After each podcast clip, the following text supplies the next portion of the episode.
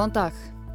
Ég heiti Sunna Valgerðardóttir og þið eruð að hlusta á þetta helst, fréttaskýringa þátt ára á seitt. Það er einhvers konar neyðar ástand í loftslagsmálum, um það eru við flest sammála. Loftslagsbreytingar eru farnar að býta.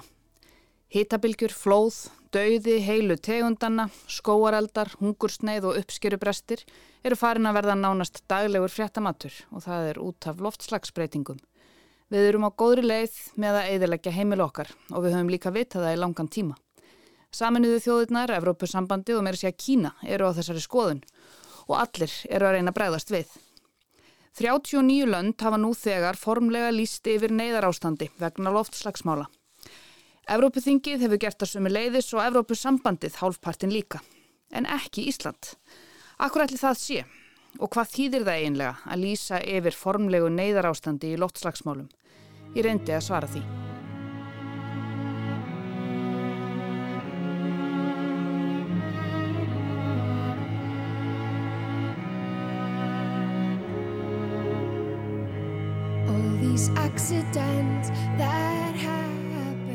Björk Guðmundsdóttir var í laungu og persónulegu viðtali við Guardian í síðustu viku.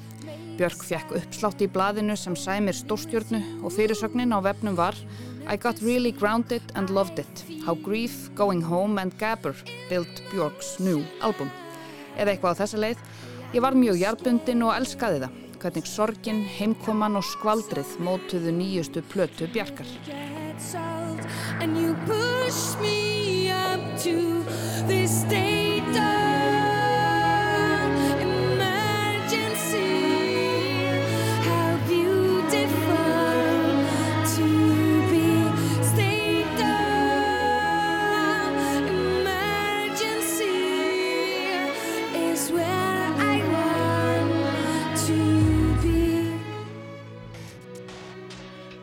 Björk fyrir viðtalinu yfir ímislegt. Dauða móður sinnar, COVID-tímabilið á Íslandi, nýjustu plötuna sína Fossóra og svo það sem rataði í fyrirsagnindar hér, enda okkur málið töluvert skilt, hörð gaggríni Bjarkar á fórsættisráð þeirra Íslands.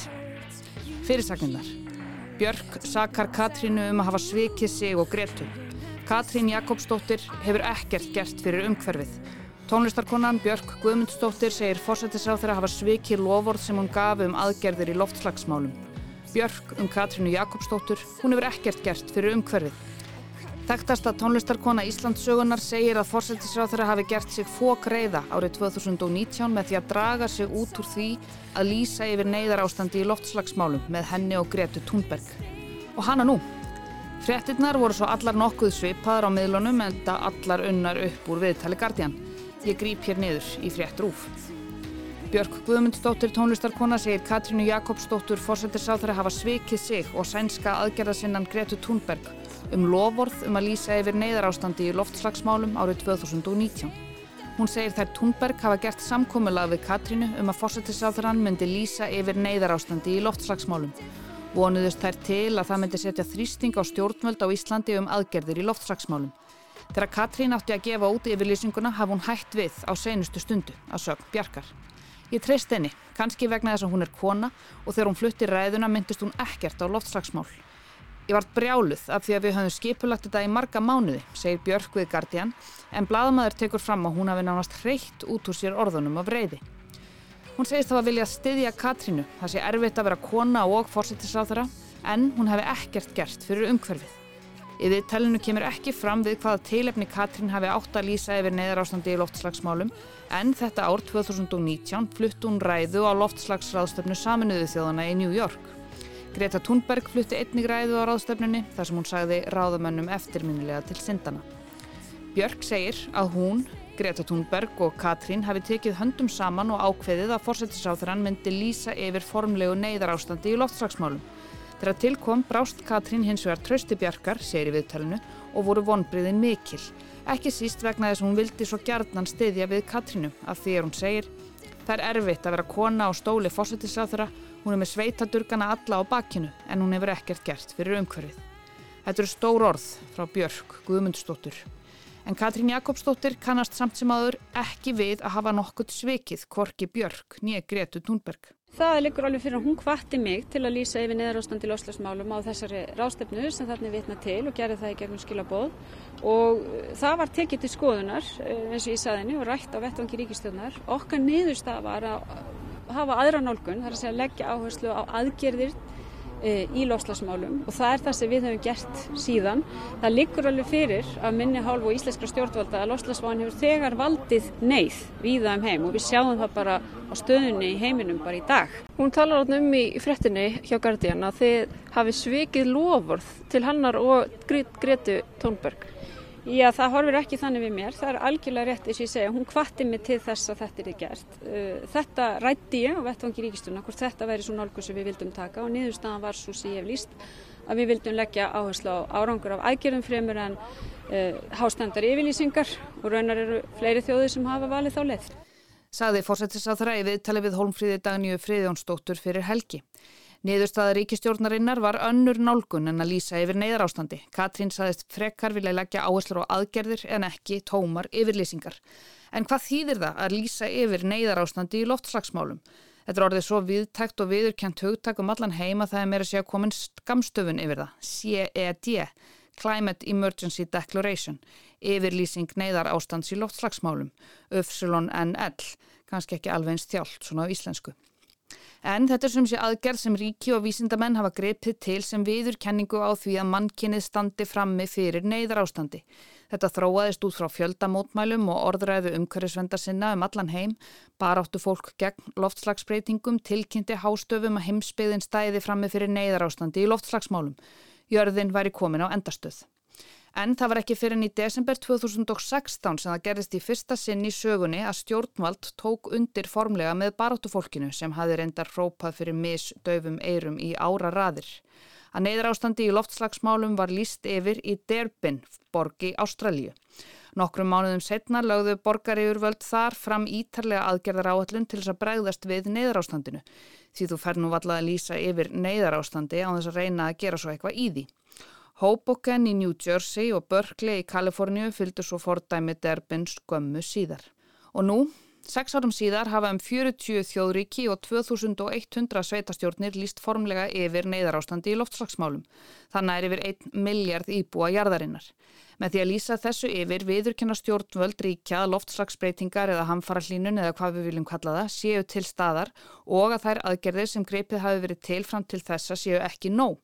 Með yfirlýsingunni undirstryka stjórnvöld að það þurfi að grípa til róttækra aðgerða til þess að reyna að hæja á og stöðva loftslagsbreytingar af mannavöldum. Breska þingið lísti yfir neðarástandi voru 2019 en það var gert án atkvæðagreðslu og það var einmitt það ár 2019 sem mesta hafarið var í kringum neyðar ástands yfir lýsingarnar og svo ríkistjórn sem Katrín Jakobsdóttir, formaður venstri hreyfingarinnar græns frambúðs, veitti líka fórustu þá á hvaða lýsa ekki formlega yfir tjeðu ástandi en lagði þessi stað fram aðgerðar áallin í loftslagsmálum. Þess ber að geta að varaformaður Vafgi, Guðmundur Ingi Guðbrandsson, var þá umhverfisráþara en hann hafði verið viðlóðandi náttúruvend á Íslandi lengi. Hann var meðal hans framkvæmdastjóri landvendar á árunum 2011 til 2017 eða þar til hann tók við umhverfisráþara stólnum. Hér heyrum við eina fjölmörgum fréttum sem við höfum sagt í tengslu við neðarástandið, yfirlýsingarnar og stóru orðin. Þessi fór í loftið annan desember 2020. Vísindamenn voru þarna búinir að skila stóri skýrslu og hún var ekki kræsileg. Framkvæmdastjóri saminuði þjóðana ítrekkaði í dag mikilvægi þess að þjóðir heimsins bregðist strax við lofslagsvanni, náttúrueflin refsi af ógnarkrafti verði ekkert gert. Í beinskeittri ræðu talaði Antonio Guterres hvössum rómi til heimsbyggðarinnar. Í skýrslu alþjóða veðurfræðistofnunarinnar sem kom út í dag segir að áratugurinn sem nú er að líða verði sá hlýjasti í sögunni. Aukinn flóð, fellibiljir og gróðureldar fylgir þeim miklu hlýjindum sem nú mælast. Let's face facts. The state of our planet is broken.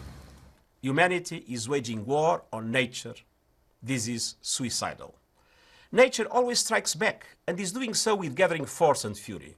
Saminuðu þjóðirnar ætla að leggja sérstaka áherslu á það á næsta ári að draga úr losun gróðurhúsarloftegunda þannig að kólefnis hlutleysi verði náð í heiminum fyrir árið 2050. In 30 years there will be more plastic in the ocean than fish. Every country, city, financial institution and company should adopt plans for transitions to net zero emissions by 2050 and take decisive action now.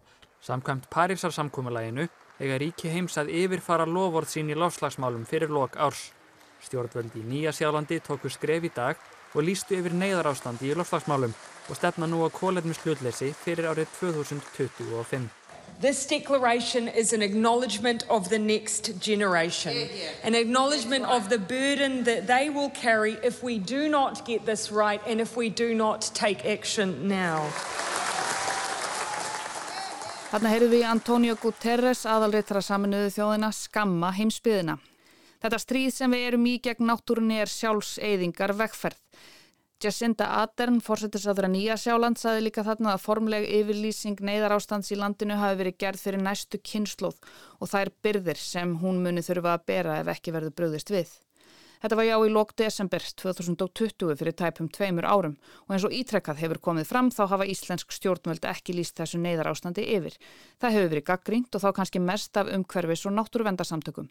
Landvernd segir til dæmis að Ísland þurfi að lýsa þessu yfir. Lósun gróðurhúsaloftegunda frá Íslandi aukist hratt og sé mun meiri á hvern íbúa landsins en í nágrannalöndunum.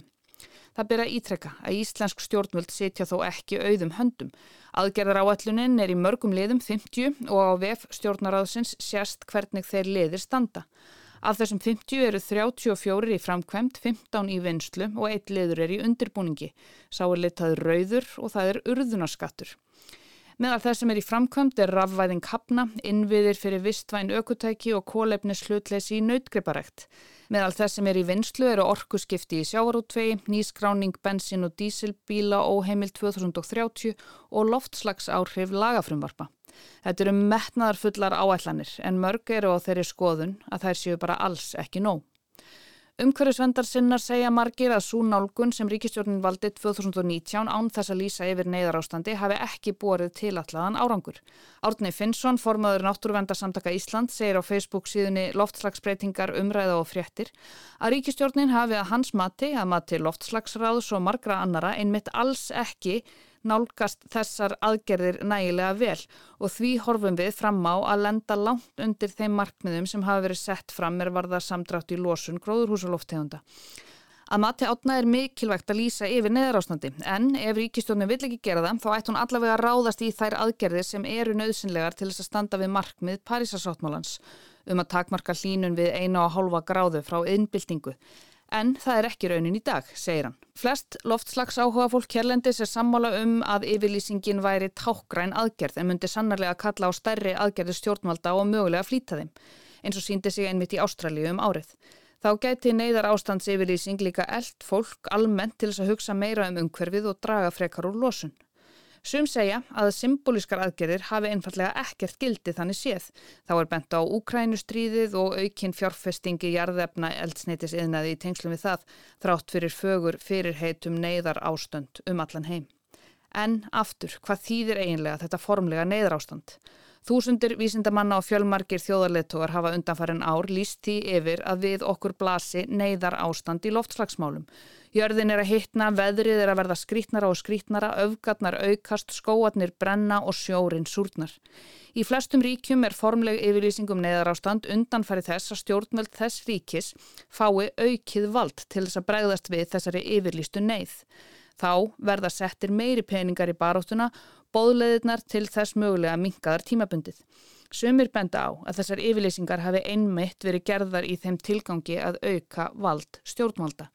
Tyrkir og ungverjar eru til dæmis svolítið hrifnir af neyðar ástands yfirlýsingum í loftslagsmálum. Sömari 2019 kom loftslags neyðar ástands yfirlýsingur heldur óvæntri átt fannst sömum að minnstakosti. Francis Pávi settist fyrir fram að myndavél og staðfesti að farir okkar í aðabúa væru ekki sléttar. Við þurftum að bregðast við strax það væri neyðar ástand í loftslagsmálum. Við þurfum að hraða orkuskiptum og hætta að nota jarðefna eldsneiti og leifa því að halda sig í sínu náttúrulega umhverfi sem er neðanjarðar. Evrópuþingið samþykti í lok november 2019 um að lýsa yfir neðarástandi og það var skorað á framkvæmda stjórn Evrópusambandsins og aðildaríkin að grípa til aðgerða. Þess var krafist að ESB-löndin tvöfölduðu að minnstakosti framlög sín til alþjóðlega græna loftslagssjóðsins en ríki ESB eru stærstu greiðendurnir til ofinbæra loftslagsmála en það er eftir að Donald Trump dró 100 miljardar dala framlag bandaríkjana út úr Parísasamkomiðlæginu og fjárhagsáallun ESB þurfti að uppfylla alþjóðlega skuldbindingar að fullu. Þetta á þó ekki við í dag. Meðal þeirra ríkja sem hafa formlega líst yfir neðarástandi eru Ástralja, Belgia, Bretland, Skotland, Írland, Wales, Portugal, Kanada, Frakland, Argentína, Spotn, Austuríki, Malta, Ítalja, Suður Kórea, Japan, Nýjasjáland, Singapúr og Mauritius. Sumulegis hafa margar borgir og margir bæir í mörgum löndum líst yfir þessu neyðarástandi, en ekki við. Hlýðum nú á brot úr ávarpi fórsættisáþurra á þjóðatíðardeginum síðasta 17. júni nú í sumar. Rannsóknir vísindamanna sín okkur að staðan er graf alvarleg. Neyðar ástand blasir við ef ríki heims tak ekki höndum saman um árangarsríkar aðgerir gegn lofslagsváni. Við hér á Íslandi munum ekki einn leysa lofslagsvanda heimsins en á okkur kvíli rík skilda til að gera okkar besta. Engi þjóð, fámenniðar fjölmenn, getur skila auðu eða seti hjá.